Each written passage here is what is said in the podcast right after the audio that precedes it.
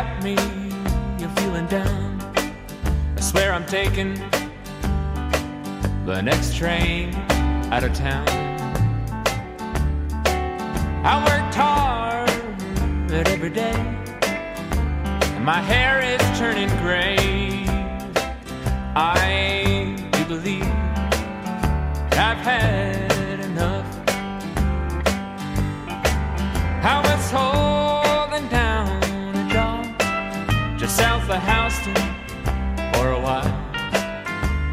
serving time, making someone else a dime. There ain't nothing I'd rather do than lose these city blues. I do believe that I've had enough.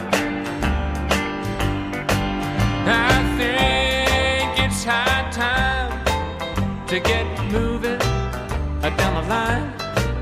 I don't care where I'm headed. I'm highway bound to someplace new. And I woke up this morning and the going got real tough. I do believe that I've had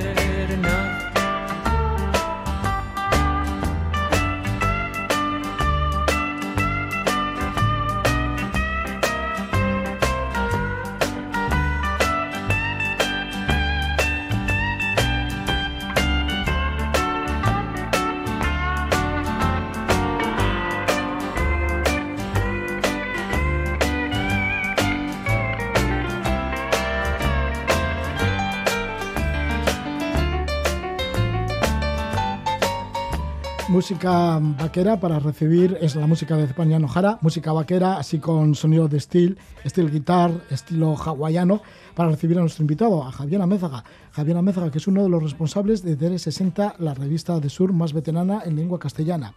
Se edita desde el año 1967 y hasta el momento han salido a la calle 209 números. Publica un libro de gran formato con el título de la historia del surf a través de 360. Ha querido plasmar Javier Amézaga lo que ha ocurrido en la escena surfera que se ha ido reflejando en la revista a lo largo de más de tres décadas. Son apuntes, anécdotas, entrevistas, surf trips, relatos recuperados, cómics, personajes.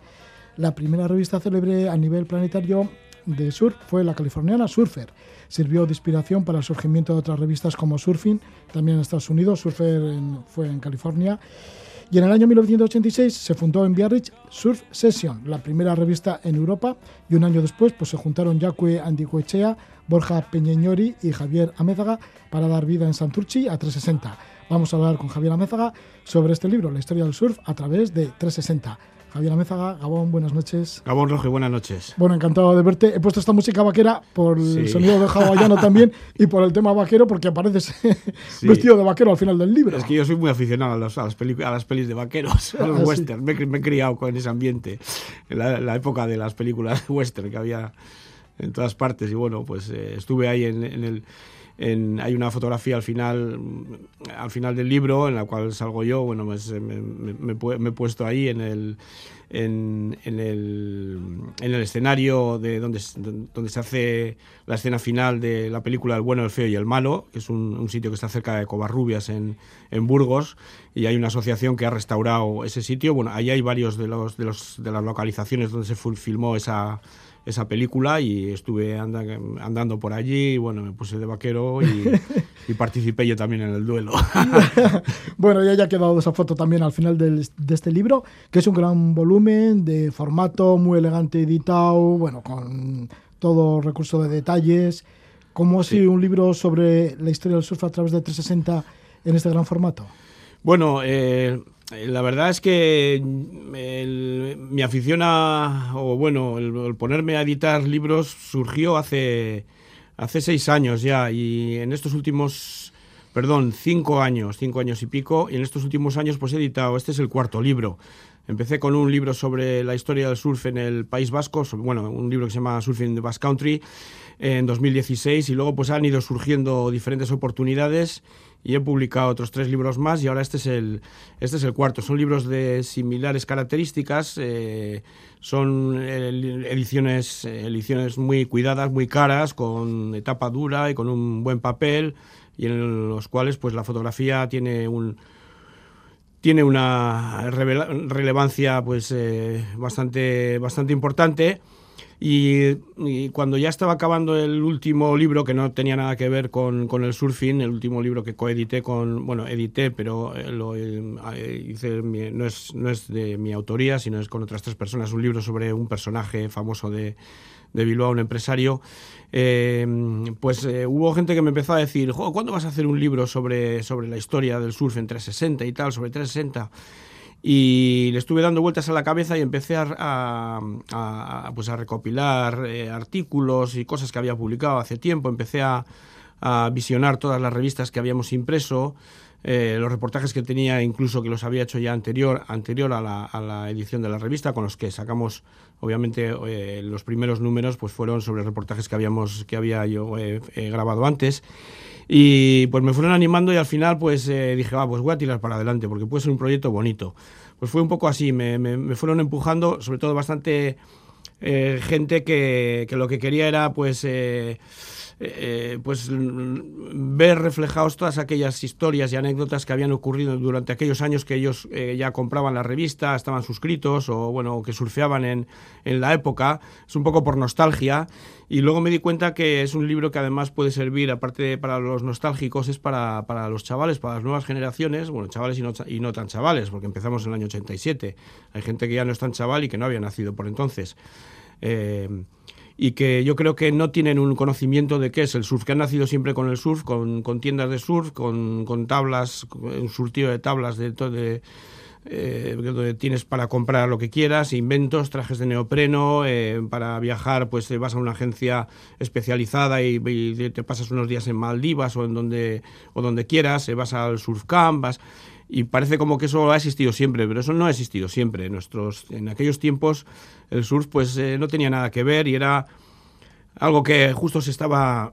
Sí, que empezabais un poquito a, darle forma, ¿no? Eso es. ¿Y cómo se vivía aquello? Tampoco es un repaso cronológico, sino es va un poquitín... Parece ni cronológico ni geográfico. Esta, eh, hay, hay referencias de, todo el mundo, obviamente, porque con la revista pues hemos tenido eh, eh, influencias de todo el mundo y han salido reflejados artículos y reportajes de, de todo el mundo. y eso, no, no, es un, no es un repaso cronológico, ni siquiera una, la historia del sur pues está más que escrita y tal. No, no era mi, mi intención hacer eso, sino reflejar qué es lo que ha pasado desde aquella época, desde aquellos maravillosos años 80 hasta la actualidad o hasta recientemente, pero sobre todo en aquella época cómo se empezó a, cómo empezó todo, cómo empezó todo y cómo fue la, afición de las primeras generaciones aquí en el no solo en el País Vasco, sino en, sino en todo el mundo. Javi, ¿cómo fueron los orígenes? En este caso de vuestra revista, la revista 360 Surf, que ya hemos dicho que es la, primera revista que hubo en castellano en todo el mundo sobre surf. Eh, ¿Cómo fue la idea? ¿Qué, os, ¿Qué pasó por la mente de vosotros, de Jacque, Borja y, y de ti pues para crear esta revista, sí. para, mm, crear 360.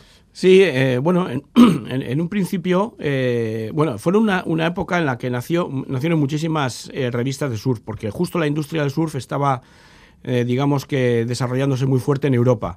Y hasta entonces las únicas revistas de surf que había, que eran las que contaban la, la realidad del surf en todo el mundo, eran las americanas Surfer y Surfing Magazine. Que eran californianas. Que eran californianas. A partir de entonces empezaron a salir Bueno, cuando llegaba una revista de surfer era como si habría llegado, yo que sé, una maravilla. Y entonces aquí nos empezamos a plantear... ¿Cómo te recreabas en cada, en cada fotografía, ¿no? Y, en cada dibujo de surfer. Y los poníamos en las carpetas para el colegio y en la, y en la pared y todo eso. Era como... Porque el surf se vivía ahí, era el medio de comunicación entonces eran básicamente las revistas de surf. También estaban las películas que empezaban a, a filmar, pero eran películas de, de super, no, super 8, no, la del siguiente 16, 16 milímetros y tal, que, eh, pero bueno, que las llevaban pues distribuidoras así alternativas y, y, bueno, pues era justo una época en la que estaba eh, eh, esa semilla y ahí dimos en el clavo. Justo un año anterior salió Succession Yo por entonces hacía fotografías, fotografía acuática que nadie hacía aquí, eh, nadie hacía prácticamente en Europa. De hecho, Succession tuve muchas colaboraciones con ellos. Y, luego aquí pues había un grupo de chavales de, de, la margen izquierda, entre ellos estaba Yacue, que estaban con la idea de promocionar, de sacar una, una, revista de surf. Y me, contactaron y me pareció una buena idea y dijimos, bueno, pues vamos a intentar, vamos a ver qué es lo que pasa, vamos a arriesgarnos. Yo por entonces trabajaba de monitor de natación y era también socorrista en los veranos y, y, al final pues hicimos un grupo de tres que nos animamos, que fue Yacue, fue eh, Borja Peñañori y, y, y el Menda Lerenda.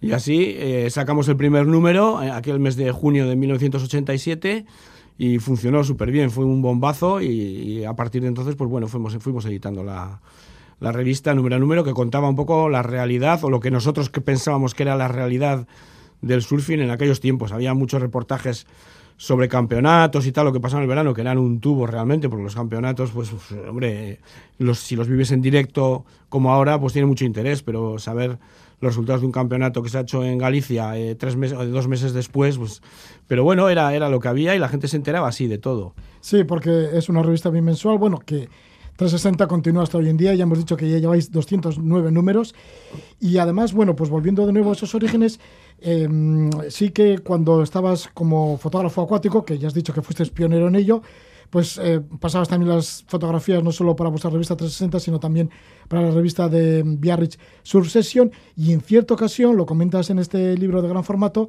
estuviste, conociste a Jet Devine, que es el editor de fotografía de la revista Surfer, que era como conocer igual a Dios en ese momento. En ¿no? aquella época era conocer a Dios.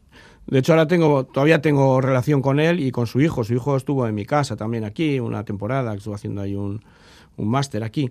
Eh, con Jeff Divine fue un poco, bueno, yo tenía mucho, yo sabía que la meca del surf estaba allí en California, que había que ir allí, que había que ver cómo era Surfer Magazine, eh, conocer a los fotógrafos, porque sabíamos que necesitábamos colabora colaboradores, eh, fotógrafos colaboradores eh, americanos para tener un material decente de Hawái, de todo aquello que, que se veía, eh, y marché para allí.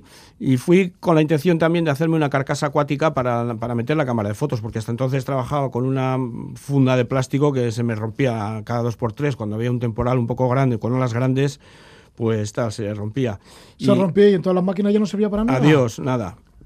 O sea, que te la jugabas cada vez que te Me la jugaba. Lo que pasa es que eh, las dos máquinas que rompí, pues eran una era una una alemana, que no me, digo, una rusa, que no me acuerdo cómo se llamaba, un cacharro ahí, un trasto, y la otra una yasica bastante vieja, vulgares, que no, no, no tenía mucho precio, pero bueno, pero una avería. Entonces fui a hacerme esa carcasa allí, y antes de ir, eh, hablé con, con Succession, yo tenía ya bastante relación con el director de Succession, tal Pierre Gascon, y Pierre Gascon me puso en contacto con Jeff Divine y me dijo, vete a, y habla, vete de parte mía donde Jeff Divine, pide una cita con él, llamas ahí por teléfono y te recibirá.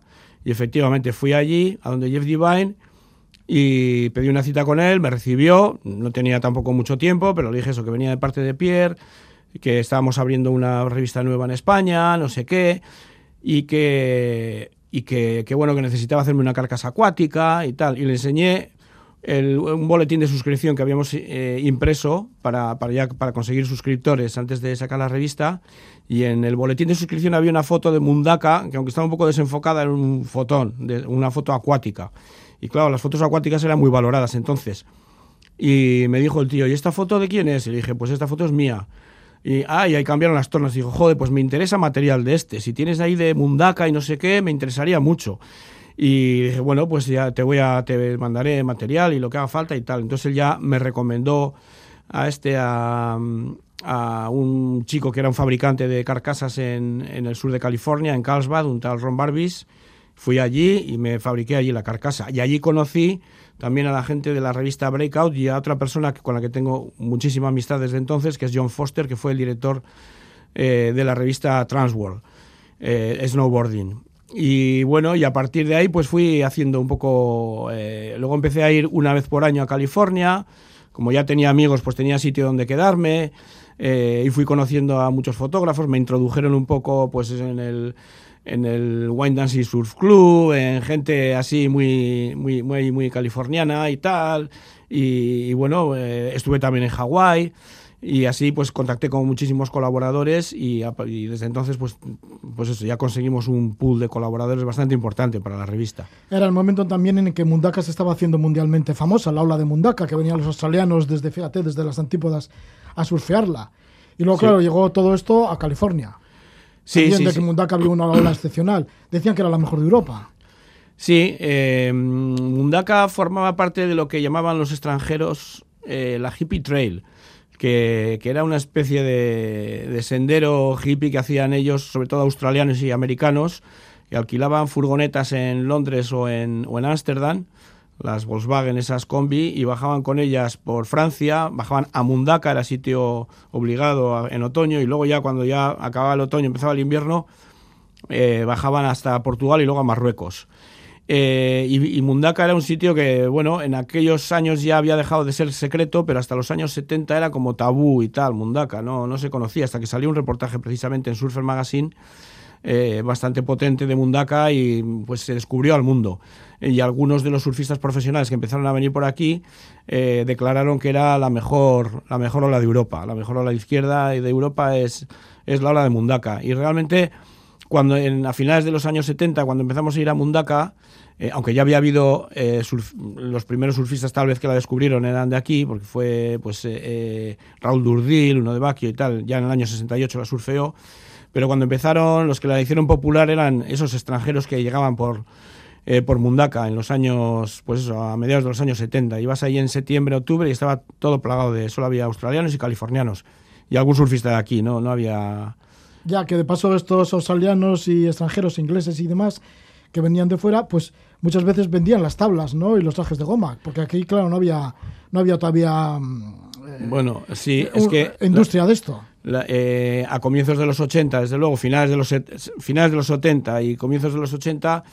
Eh, la forma de conseguir tablas de surf era a, a los a gente que venía por aquí con furgonetas cargadas de tablas eh, cargadas de tablas o algunos con sus propias tablas que al marchar eh, las vendían. Entonces Mundaka a veces se convertía el parking en una especie de, de, de feria al aire libre de, sí. de material de, de, segunda mano. Pero luego también por todo Portugal, Marruecos, por ahí, pues conseguías tablas a partir de ellos, porque todavía entraban muy pocas tablas aquí. Y las tiendas más importantes estaban en Francia, pero por entonces ir ahí a Biarritz y tal era un viaje muy largo, era caro y bueno, justo se habían abierto las fronteras, porque ten en cuenta que hasta pues eso, que acabó la dictadura, pues aquello era como otro, era, era otro mundo, entonces era solo para gente privilegiada y que tenía mucha pasta. Javi, además de viajar a California para ver cómo se movía el mundo del sur, que ahí era la meca, y Hawái también, bueno, pues además de esto también estuviste por las montañas rocosas de Colorado. Esto fue en primavera del año 1987 y fuiste para conectar con uno de los pioneros del, del snowboard en Denver, o con los pioneros, ¿no? De ahí nació en las montañas rocosas el snowboard. Eh, sí, ellos, bueno, eh, lo que se dice es que el snowboarding fue un tipo de surf que empezó a hacerse en las montañas rocosas por primera vez. Nosotros, bueno, yo, coincidiendo con uno de los viajes que fui a California, yo tenía un amigo que era nadador y que estaba eh, becado en la Universidad de Denver y, estudiaba allí en la universidad. Entonces quedé con él y, y, fui viaje de California a Denver, eh, aquel, aquella primavera creo que fue, y allí él me puso en contacto con una asociación, bueno, con un grupo de, de snowboarders que subían ahí a las montañas a hacer snowboard, que estaban patrocinados por la primera marca así que importante que había de tablas de snowboard, que se llamaba Barfoot, que era, era una marca de eh, Colorado. Y bueno, eh, me junté con ellos, me subieron ahí a un sitio que se llamaba Lowland Pass, que estaba cerca de un, de un pueblo que se llamaba Boulder. Eh, fue un viaje eh, para mí maravilloso porque, no sé, era, era, aquel Estados Unidos del interior con aquellos coches gigantescos, grandes, en la autopista, íbamos a toda velocidad persiguiendo, aunque las, las normas de velocidad eran bastante estrictas, íbamos detrás de los coches que, te, que llevaban detectores de estos de, de, velocidad, entonces íbamos detrás de, de ellos a tometer y subimos allá a las montañas rocosas y fue mi primer contacto con el snowboarding. Hice un reportaje de ellos, les saqué unas fotos ahí bastante guapas que aparecieron en el número, creo que fue en el número 2 de, de, la revista.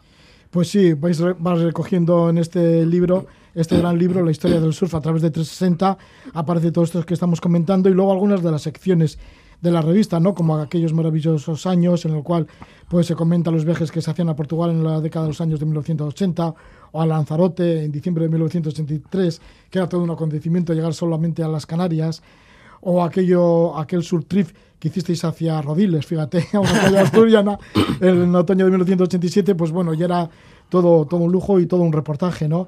Y bueno, pues en, también está la sección de relatos con lo que has nombrado la Hippie Trail, ¿no? Lo que suponía esta ruta surfera alternativa a la Hippie Trail por Portugal, Marruecos, Canarias. Y luego están también los redactores, redactores de relatos. Ahí está Willy Uribe, Sí. que tiene también libros sobre, sobre sur, como Crónicas del Salitre, y Es otros. y sí, es gente que ha trabajado mucho tiempo con nosotros, haciendo relatos y tal. Willy Oribe ha sido un colaborador durante muchos años y la verdad es que él es, es un escritor excepcional. Luego ha, ha publicado también varios, varios libros de, de relatos y novelas. Y luego también está Eduardo Sáenz de Amilibia. Eh, este estaba, aunque es, es surfista, pero bueno, estaba más relacionado con la, con la movida scatter y, bueno, hasta, eh, sigue colaborando con nosotros hasta, hasta la fecha de hoy. Es gente muy, muy reputada, pues bueno, que ha trabajado mucho. Yo lo que quería era pues hacer, dar un pequeño homenaje más o menos pues a la gente que, has, que ha sido, digamos, eh, bastante, digamos, decisiva en el, en el caminar de la revista durante todos estos años. Sí, y aparecen relatos propios tuyos, alguno propio tuyo. Por ejemplo, cuando empezaste en Soplana de socorrista en el verano de 1977, luego continuaste también en la playa cercana, el de a Soplana, La como es el de la Salvaje, hasta 1982. Y fíjate, vas comentando cómo estabais equipados los socorristas, porque no teníais casi nada, ¿no? Solo las, las aletas y vuestras propias tablas, para rescatar Sí. a toda la gente que, Sí. que andaba ya allí medio ahogándose. Era todo mucho más básico. Las tablas eran nuestras. Sí que compró la Federación Vizcaína compró dos tablones eh, de- en Barlan, en, Biarritz, uno para la playa de Sopelán y otro para la Salvaje, pero eran bastante pesados, los dejamos en la orilla, pero lo demás utilizábamos nuestras tablas. Teníamos ahí nuestras tablas y, tablas de más gente que llegaba por allí. Dejaban ahí, dejamos ahí todas las tablas y fíjate cómo eran aquellos tiempos que los chavales venían a pedirte, oye, ¿me dejas la tabla? Y decíamos, sí, bueno, chaval, coges a la roja y tal, y, y- y surfeaban con ellas se intercambiaban las tablas, era una movida completamente diferente a la de ahora. Sí, bueno, pues vas comentando un poquito cómo eran aquellas épocas y luego también viajes que has realizado, ¿no? Bueno, hemos hablado de California, hemos hablado de las montañas rocosas en Denver, pero también a Guatemala y El Salvador para descubrir unas olas que ahora son, son bastante famosas también. Eh, Sí, bueno, en El Salvador de hecho se ha hecho un campeonato del mundo de internacional, de- de- del, claro, internacional, el campeonato del mundo de la, de la ISA, que, sirvió para, para coger seleccionados para llevar a la Olimpiada. El Salvador está apostando mucho por el, por el surfing y tiene unas condiciones muy buenas. En Guatemala no son tan buenas, pero bueno, hay muchísima playa. Eh, lo que pasa es que cuando estuve yo allí, hace ya unos cuantos años, el ambiente era muy muy raro, era, eran países muy peligrosos. Yo pasé miedo. Ahí hubo un momento que pasamos, tuvimos ahí un- una movida en el centro de Guatemala, justo cuando estábamos volviendo hacia el aeropuerto, que es la primera vez que me ve que un, que un soldado militar me pone una, un revólver en la cara y, joder, y En la misma cara. Sí, sí, me lo puse así delante. Y estábamos buscando, nos habíamos perdido y estábamos buscando el aeropuerto. Eh, nos pararon ahí en un control y, y pasé un poco de miedo. Había, todavía, había muchos grupos paramilitares, había un ambiente muy enrarecido. Habían matado muchísimos indígenas. eh, el tema no, era, no, era, no eran países seguros para, para viajar. Eh, pero bueno, descubrimos olas y hicimos un viaje muy, muy interesante. En parte por eso lo he, he destacado ese viaje, porque fue de los, de los viajes donde he pasado algún peligro, digamos, real. Sí, luego también estuviste en Jeffreys Bay, pero bueno, este peligro era de otro tipo, era con los tiburones, en Sudáfrica. Me dio, no vi ninguno, pero lo que pasa es que a las mañanas, al amanecer, se veía que estaba el agua llena de bichos ahí. Salían unas ballenas, bandadas de delfines, y luego te metías al agua y yo estaba allí sacando fotos. Y, y, joder, se veía todo el fondo como la, roca es negra, pues se ve el fondo así como oscuro y todo se mueve, ahí está lleno de bichos. Y la verdad es que pasé bastante miedo. Y luego, pues fíjate, en, en uno de los campeonatos de, del mundo del circuito mundial, pues Mick Fanning tuvo un ataque de tiburón que, tuvo mucha suerte, que no le, no le hizo nada, pero le, le- le apareció ahí un tiburón gigante de esos. Pues estas son algunas de las anécdotas, apuntes, entrevistas, surf trips, relatos recuperados, cómics, personajes que van apareciendo a lo largo de la historia de 360 Surf. Esta revista que nació en Santurchi en junio de 1987 que continúa hasta ahora y ahora pues se recoge un resumen de todo ello con un montón de fotografías. Bueno, también hay que nombrar los ilustradores, los cómics, van apareciendo también algunos de estos Sí. autores de cómics. Bueno, está Robert Garay y mucha gente más ahí con sus cómics. Bueno, pues todo esto se recoge en este libro, La historia del surf, a través de 360. Estamos con su autor, con Javier Amézaga. Agradecemos muchísimo una vez más que esté acompañándonos aquí en Levando Anclas. Gracias por todo, Javi, y buena suerte con el libro. Vale, muchísimas gracias a vosotros, Roge.